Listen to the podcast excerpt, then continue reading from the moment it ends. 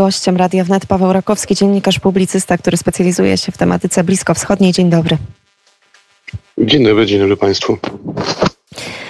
Izrael i Rosja to teraz e, dwa państwa, które weźmiemy sobie e, trochę mm, na tapetę. Biuro izraelskiego premiera Naftalego Beneta poinformowało wczoraj, że e, Władimir Putin przeprosił za wypowiedź szefa rosyjskiej dyplomacji Ławrowa dotyczące żydowskiego pochodzenia Hitlera. Czy możemy uznać, że już ten rozgorzały kilka dni temu konflikt jest y, zakończony, że to wystarczy? Opowiedz proszę o tle całej tej sprawy i na jakim etapie jesteśmy teraz, jeżeli chodzi o relacje izraelsko-rosyjskie.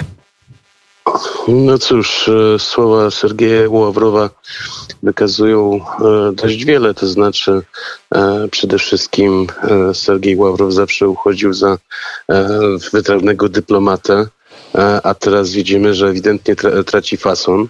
Natomiast e, te słowa, które zbulwersowały e, Izrael, ale też i świat żydowski, ale też i, też i w Ameryce wywołały wielkie e, poruszenie, no to jest przede wszystkim chodzi o to, że Żydzi zawsze traktowali alergicznie wszelkie insynuacje odnośnie tego, że Holokaust był spowodowany przez, e, przez samych Żydów. To akurat jest zawsze temat e, pewnych pomówień i propagandy, która, która jest e, no, żywa w pewnych środowiskach na Zachodzie na wschodzie, ale też przede wszystkim na Bliskim Wschodzie, ponieważ e, te słowa, które, mm, które Ławrow powiedział, jak i też w ogóle ten dyskurs, który e, często uważamy za, e, za, za jakiś marginalny, który jakieś środowiska, które no, foliarskie czy też oszołomskie, no to jest dyskurs, który jeśli chodzi o świat muzułmański, on jest dość bardzo powszechny i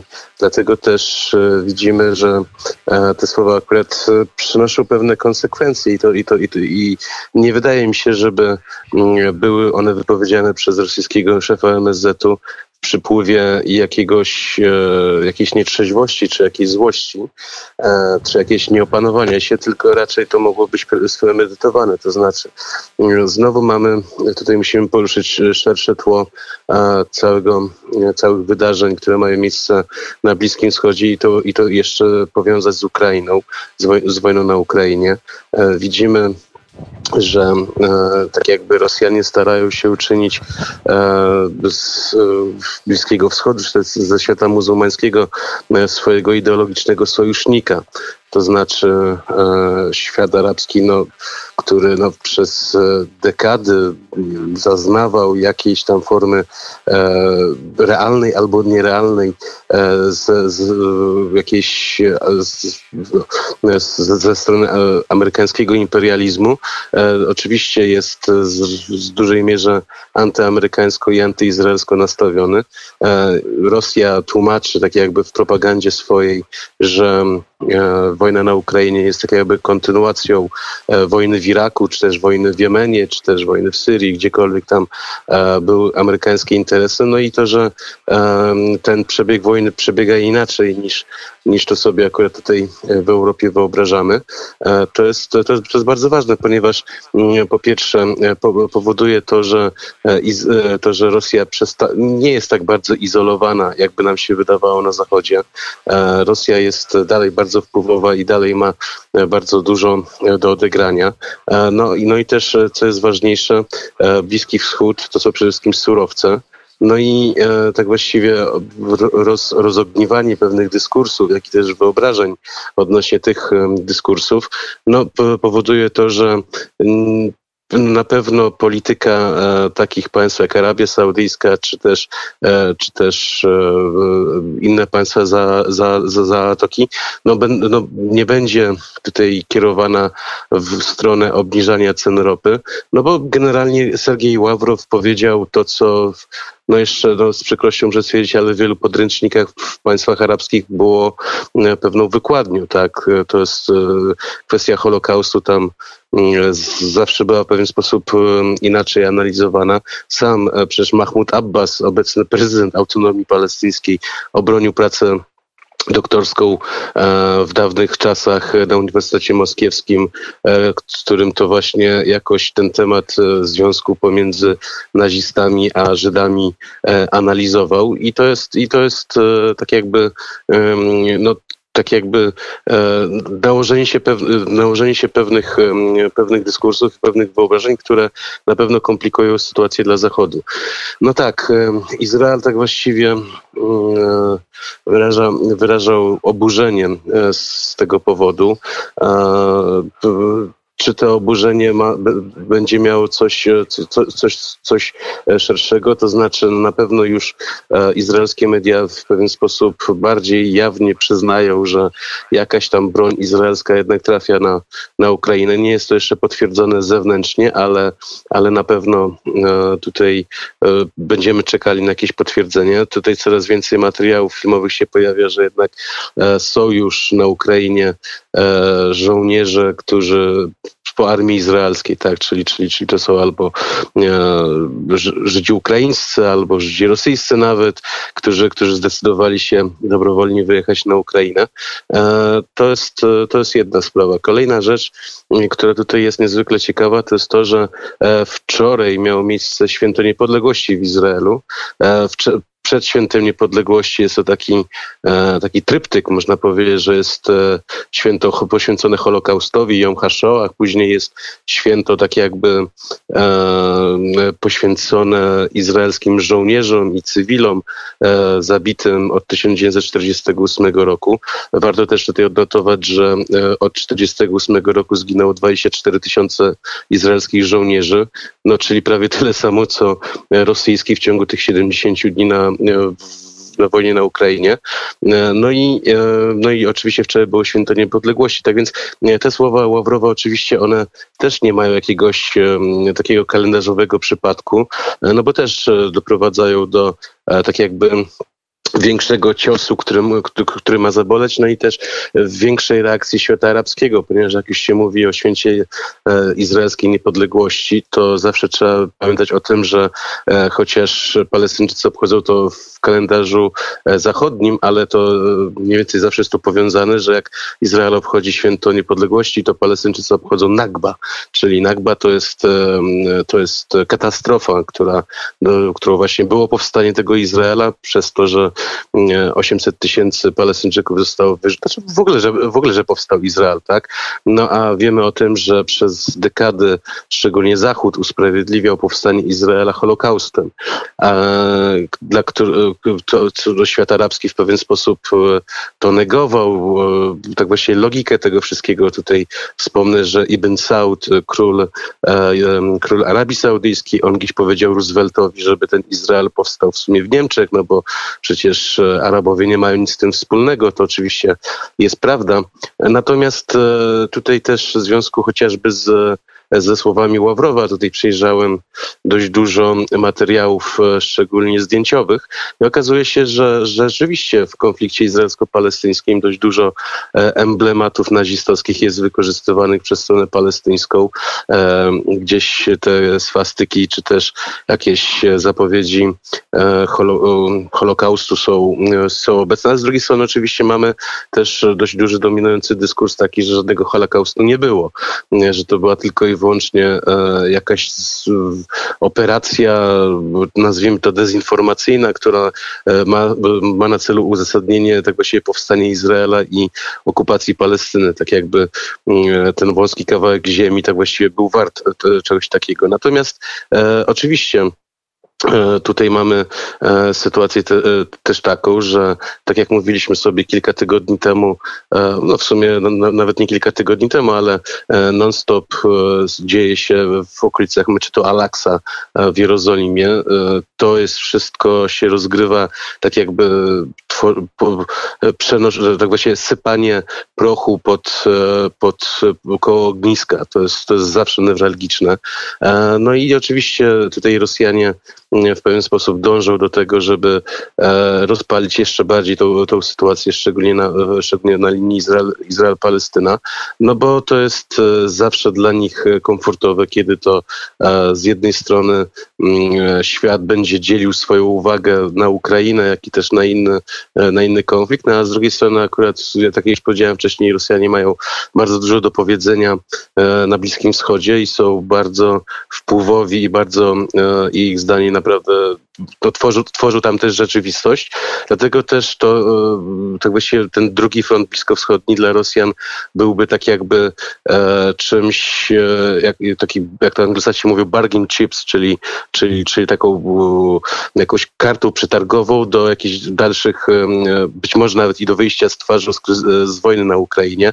E, oczywiście to są, to są, to są na, na chwilę obecną hipotezy, ale wiemy o tym, że ta kampania blokowania Bliskiego Wschodu Wschodu e, i rozpalania Bliskiego Wschodu przez Rosjan jest e, na chwilę obecną, mogę powiedzieć, że w miarę skuteczna i niestety e, nie możemy tutaj przewidywać w najbliższych tygodniach, żeby sytuacja uległa jakiemuś opanowaniu.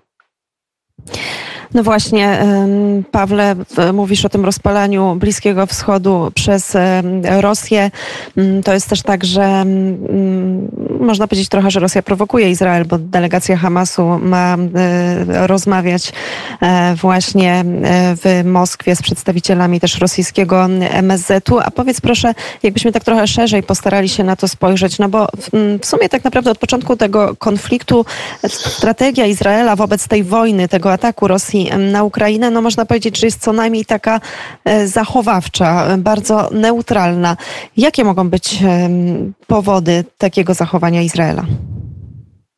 E, to tylko jak wspomniałaś o tej delegacji Hamasu w Moskwie też ciekawe jest to, że nawiązali też kontakt z kadyrowcami. E, to jest, no nie uważam, żeby praktyki kadyrowskie by, miało być czymś konstruktywnym dla sprawy palestyńskiej, a wręcz przeciwnie.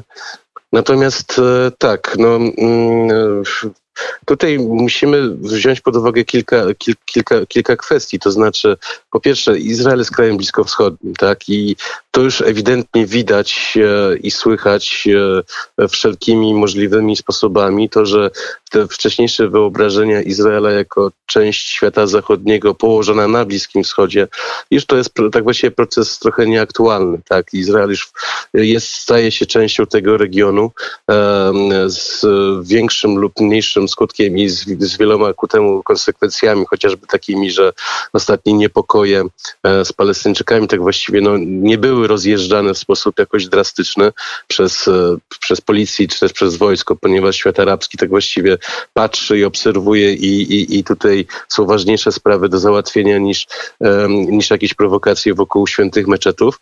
E, natomiast tak, no, z, ważna sprawa jest taka, że no, Izrael jest chyba takim punktem, chyba jedyny na świecie, gdzie jest tyle e, rosyjskojęzycznej ludności, która jest, e, która jest e, tak właściwie mieszka poza byłym obszarem Związku, Związku Sowieckiego. Tak więc, tak więc to jest na pewno taka ważna, ważny element gry, nazwijmy to geopolitycznej dla Rosjan.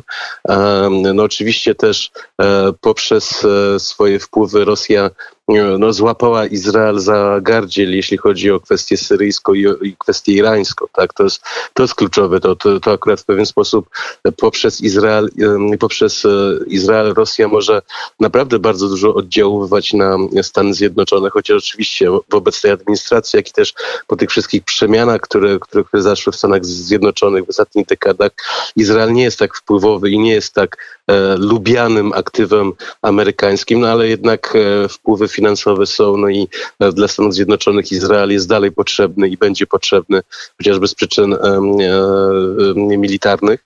No i też, też to, jest, to jest takie tak jakby miękkie podbrzusze Stanów Zjednoczonych, które, e, które, które na pewno e, dostaje odpowiednie komunikaty, które, które rozumieją też w Waszyngtonie i w Pentagonie. To jest, to jest jedna rzecz. Kolejna rzecz jest, kolejna rzecz jest taka, że tak jak już mówiłem, ta ludność, znaczy generalnie cały Bliski Wschód jest jednak e, może nie prorosyjski stricte, tak? Nie można tego uznać za e, tak właśnie poza Syrią i niestety też i Libanem coraz częściej. E, Władimir Putin nigdzie nie zerka na portrety, ale jednak dużej części opinii publicznej na Bliskim Wschodzie ten dyskurs antyamerykański bardzo odpowiada, ponieważ tam przez dekady e, e, no, Arabowie zostali tak jakby nakarmieni i wykarmieni e, tą dialektyką, że, e, że to Zachód wszystkiemu, całemu złu odpowiada, tak, że to, jest, to, jest, to, to, to niestety też ma swoje jakieś takie szersze, dalsze konotacje ze światem lewicy, to znaczy cały, cała ta filozofia postkolonialna, która tak właściwie e, nie mówi trzeciemu, trzeciemu światu, żeby szedł drogą Japonii, czy też, czy też Chin, tylko raczej tak właściwie no, siedział i nic nie robił, to jest, to jest, to jest to, to akurat niestety jest bardzo e, wygodne też i dla Rosji, tak, no bo pamiętajmy o tym, że e, e, Rosja na Bliskim Wschodzie no, nie współpracuje z żadnym państwem bogatym i zamożnym i demokratycznym, tylko raczej wszędzie są tam jakieś autorytaryzmy z dość dużymi problemami wewnętrznymi, raczej upadłe, raczej to są upadłe państwa. E, to jest, to jest, to jest, to też trzeba wziąć pod uwagę to, że mm, tak właściwie Izrael tak właściwie ma dwa segmenty tej ludności, która jest opcjonalnie prorosyjska, to znaczy e, z jednej strony to są izraelscy Arabowie, czyli ponad milion e, siedemset tysięcy ludzi, no i z drugiej strony prawie milion obywateli byłego Związku znaczy, czy też potomków raczej e, z dawnych Sowietów. Jeszcze na, na tą chwilę Izrael, który no niestety zbliża się do, najprawdopodobniej do kolejnych wyborów, nie jest w stanie oszacować, jak bardzo ta e, wojna na Ukrainie wpłynie na ten segment Rosy, e, tego, tego rosyjskiego elektoratu, no bo wiemy o tym, że część jest e, tego elektoratu za Putinem, druga część jest przeciwko.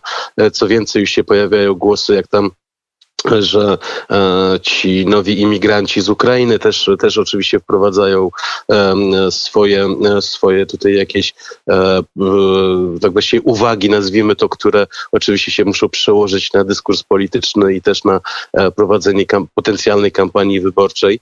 No to oczywiście jest sprawa dość mocno komplikują, komplikująca.